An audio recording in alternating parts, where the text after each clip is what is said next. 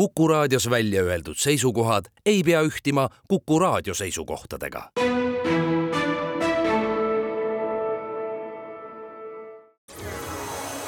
loodusajakiri, vaata ka looduseajakiri.ee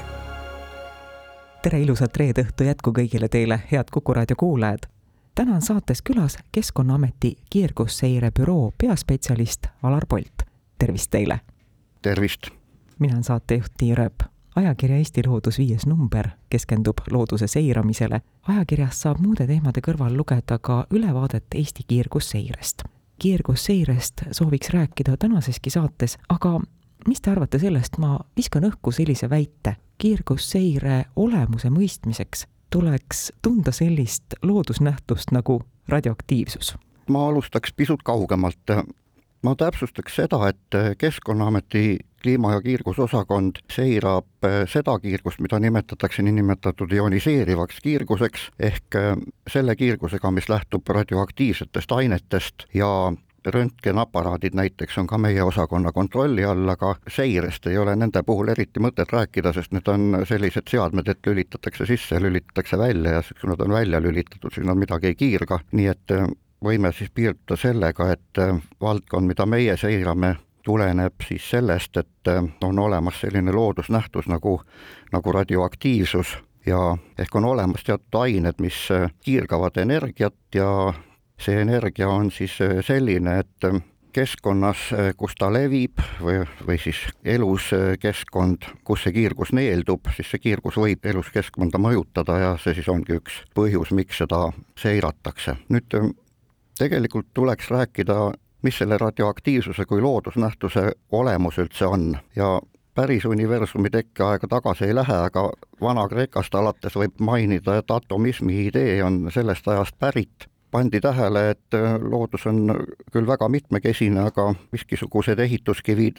tundusid ka olemas olevat ja siis arvati, et on olemas mingisugune hulk kõige väiksemaid osakesi, mis on, mis on sarnased ja mida enam edasi jagada ei saa ja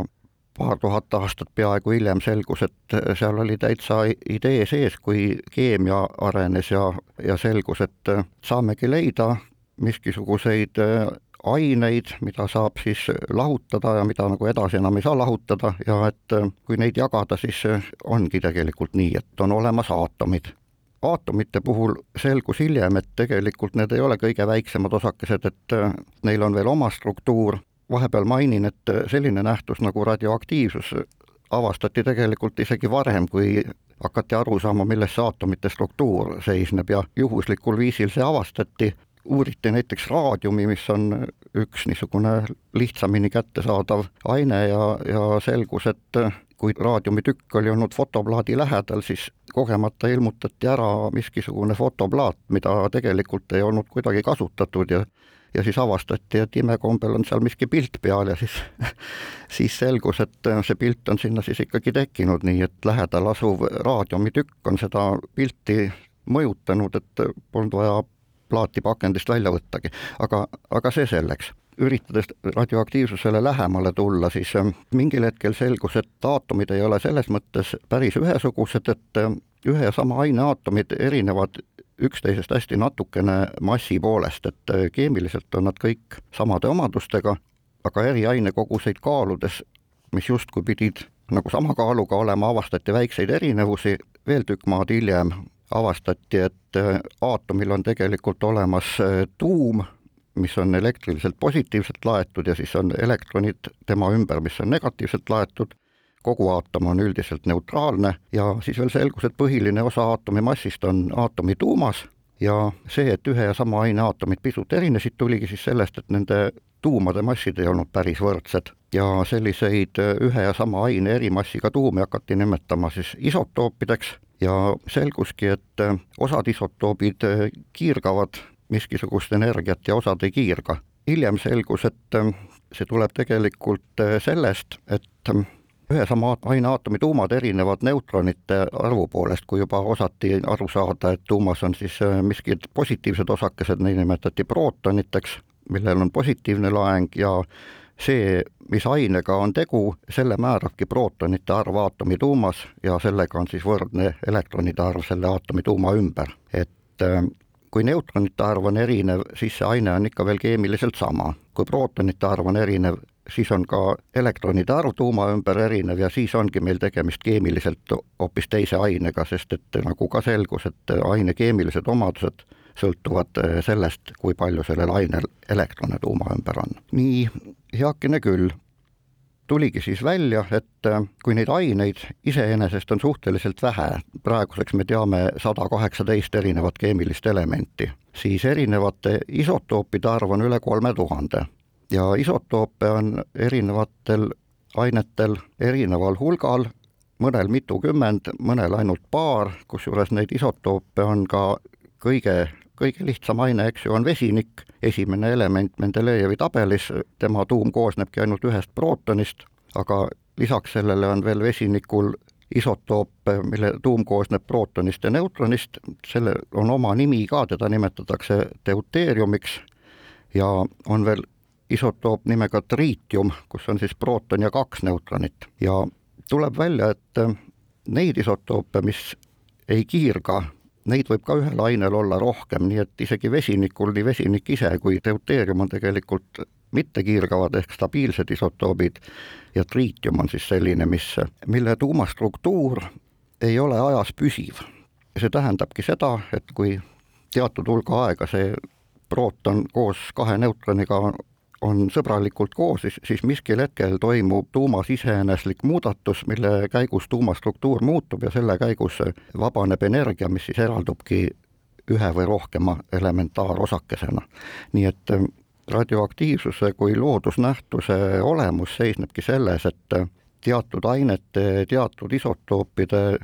tuumades toimub iseeneslik muutus mille käigus vabaneb energiat ja noh, need isotoobid siis, milles selline muutus äh, esineb, on radioaktiivsed ja milles ei esine, need on siis stabiilsed. ja noh, osutubki, et absoluutne enamus isotoope nendest rohkem kui kolmest tuhandest on, ongi tegelikult kõik radioaktiivsed, no enamus, see tähendab siis arvuliselt, kui me paneme nad nimeliselt ritta, mitte leviku poolest äh, maailmaruumis muidugi. tulles nüüd jälle tagasi nende stabiilsete ja ja radioaktiivsete isotoopide juurde, siis äh, tekkiv tuum võib omakorda radioaktiivne olla, noh, mis siis omakorda selle teise aine isotoobi tuum nüüd.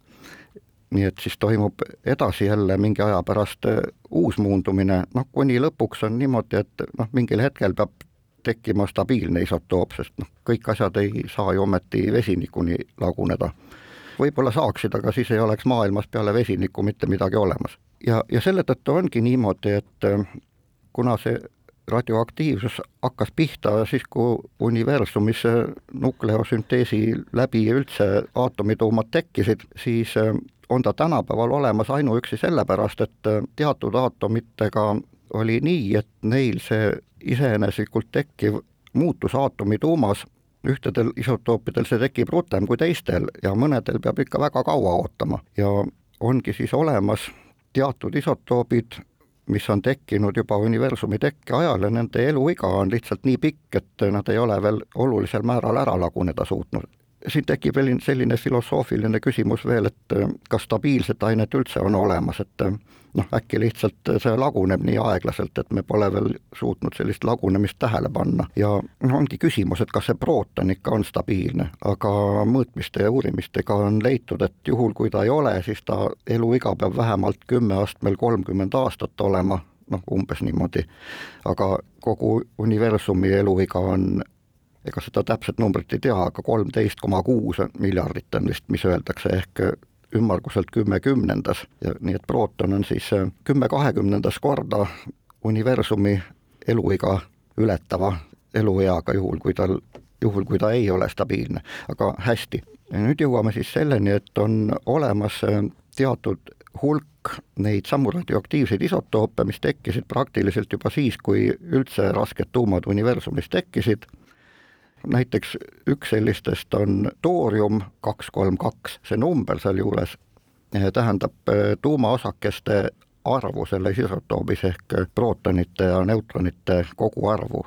ja prootonite arv tegelikult võrdub elemendi järjekorranumbriga Mendelejevi tabelis. iga järgmine tabelis olev aine on uus aine ja seal järelikult siis on ühe võrra suurem hulk prootoneid ja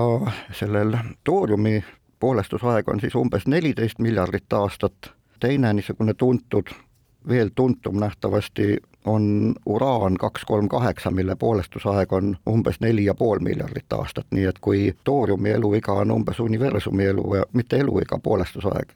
universumi poolestusajaga võrdne, siis uraan kaks kolm kaheksal on umbes maakera olemasolu ajaga võrdne, nii et sellest ajast, kui maakera tekkis, on seda uraani ainult kaks korda vähemaks jäänud maakeral. aga hästi veel sellised asjaolud, mida võiks Mendelejevi tabeli puhul teada, on siis see, et raskematel elementidel, kõigil, mis on peale pliid, neil ainult radioaktiivsed isotoobid olemas ongi. Neil ei ole ühtegi stabiilset isotoopi, et ja noh, siis kõik raskemad isotoobid on, kuuluvad siis kas sellesse niinimetatud tooriumi või uraani lagunemisritta ehk siis uraani lagunemisreas pärast umbes kümmet järjestikuse isotoobi lagunemist tekib mingil hetkel plii kakssada kuus ja tooriumi lagunemisreas tekib plii kakssada kaheksa, mis on ühtlasi siis kõige raskem stabiilne isotoop, mis üldse on. aga üks niisugune huvitav tegelane veel on kaalium nelikümmend, see nelikümmend siis tähendab, et tal on nelikümmend prootonit ja neutronit kokku. kaalium neljakümne poolestusaeg on ka üle miljardi aasta ja kaalium on tegelikult looduses maakera tingimustes üks enamlevinud elemente, koguselt äh, on ta hulk protsendi murdosades, kui me massi järgi vaatame, aga kui me elemendid nende leviku järgi ritta seame, siis äh, maailma meres on kaalium umbes kaheksandal kohal, inimese organismis umbes seitsmendal kohal. Aga ta on ka radioaktiivne ja kogu maailmas olemasoleva kaaliumi hulgas on seda radioaktiivset isotoopi umbes null koma null üks kaks viis protsenti, aga seda on igal pool ja alati, ehk ka kogu inimeses olevas kaaliumis on osa radioaktiivne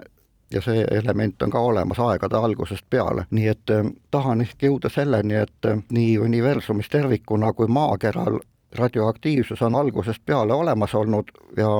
kuna need algelemendid, millest siin looduslikud järgnevad, ka tekivad seni, kuni nad ei ole stabiilsete isotoopide seisundisse jõudnud, need jäävad ka meid endiselt saatma, niikaua kui inimesed siin maakeral eksisteerivad. nüüd, kui teha selline väike lühikokkuvõte, siis me saame rääkida, et radioaktiivsuse käigus tekkiv kiirgus, selle saab jagada põhiliselt siis kolme liiki, alfa, beeta ja gamma kiirguseks. alfa ja beeta kiirgus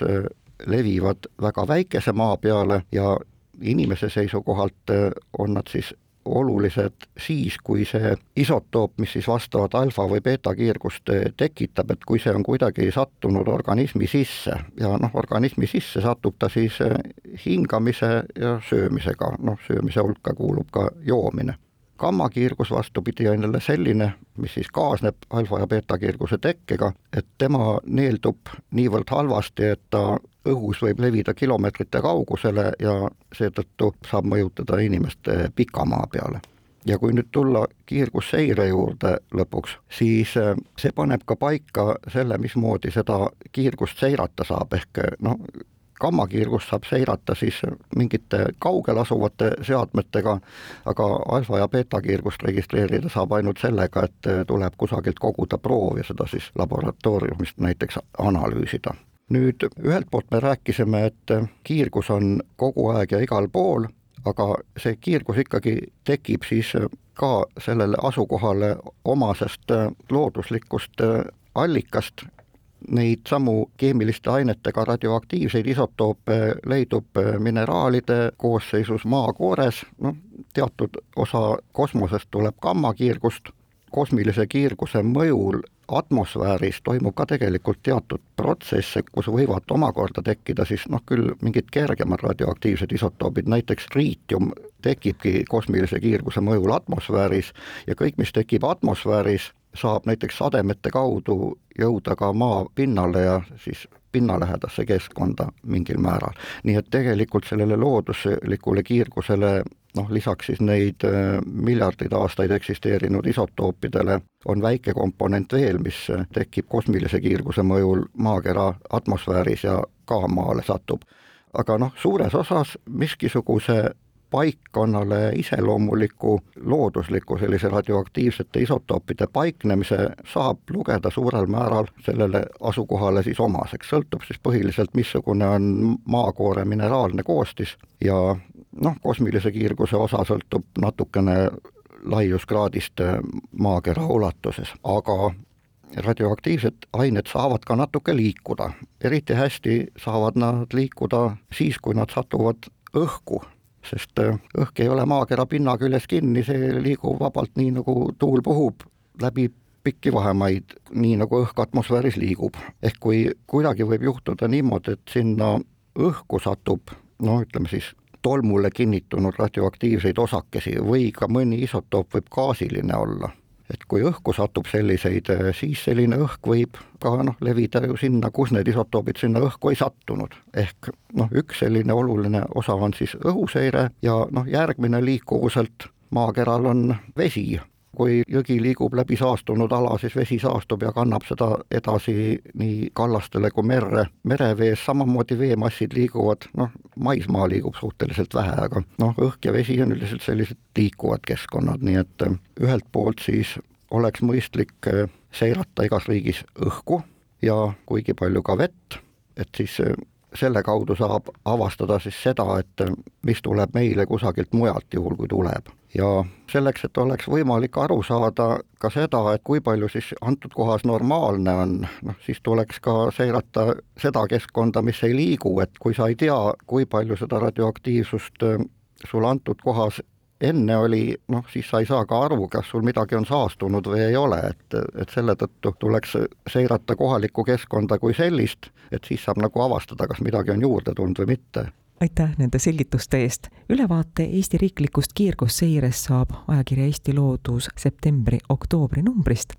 saatejuht Tiir Ööp tänab nii külalist, aitäh teile, Alar Pult, kui ka kõiki teid, kes te meid kuulasite. head õhtu jätku, jälle kuulmiseni loodusajakiri, vaata ka looduseajakiri.ee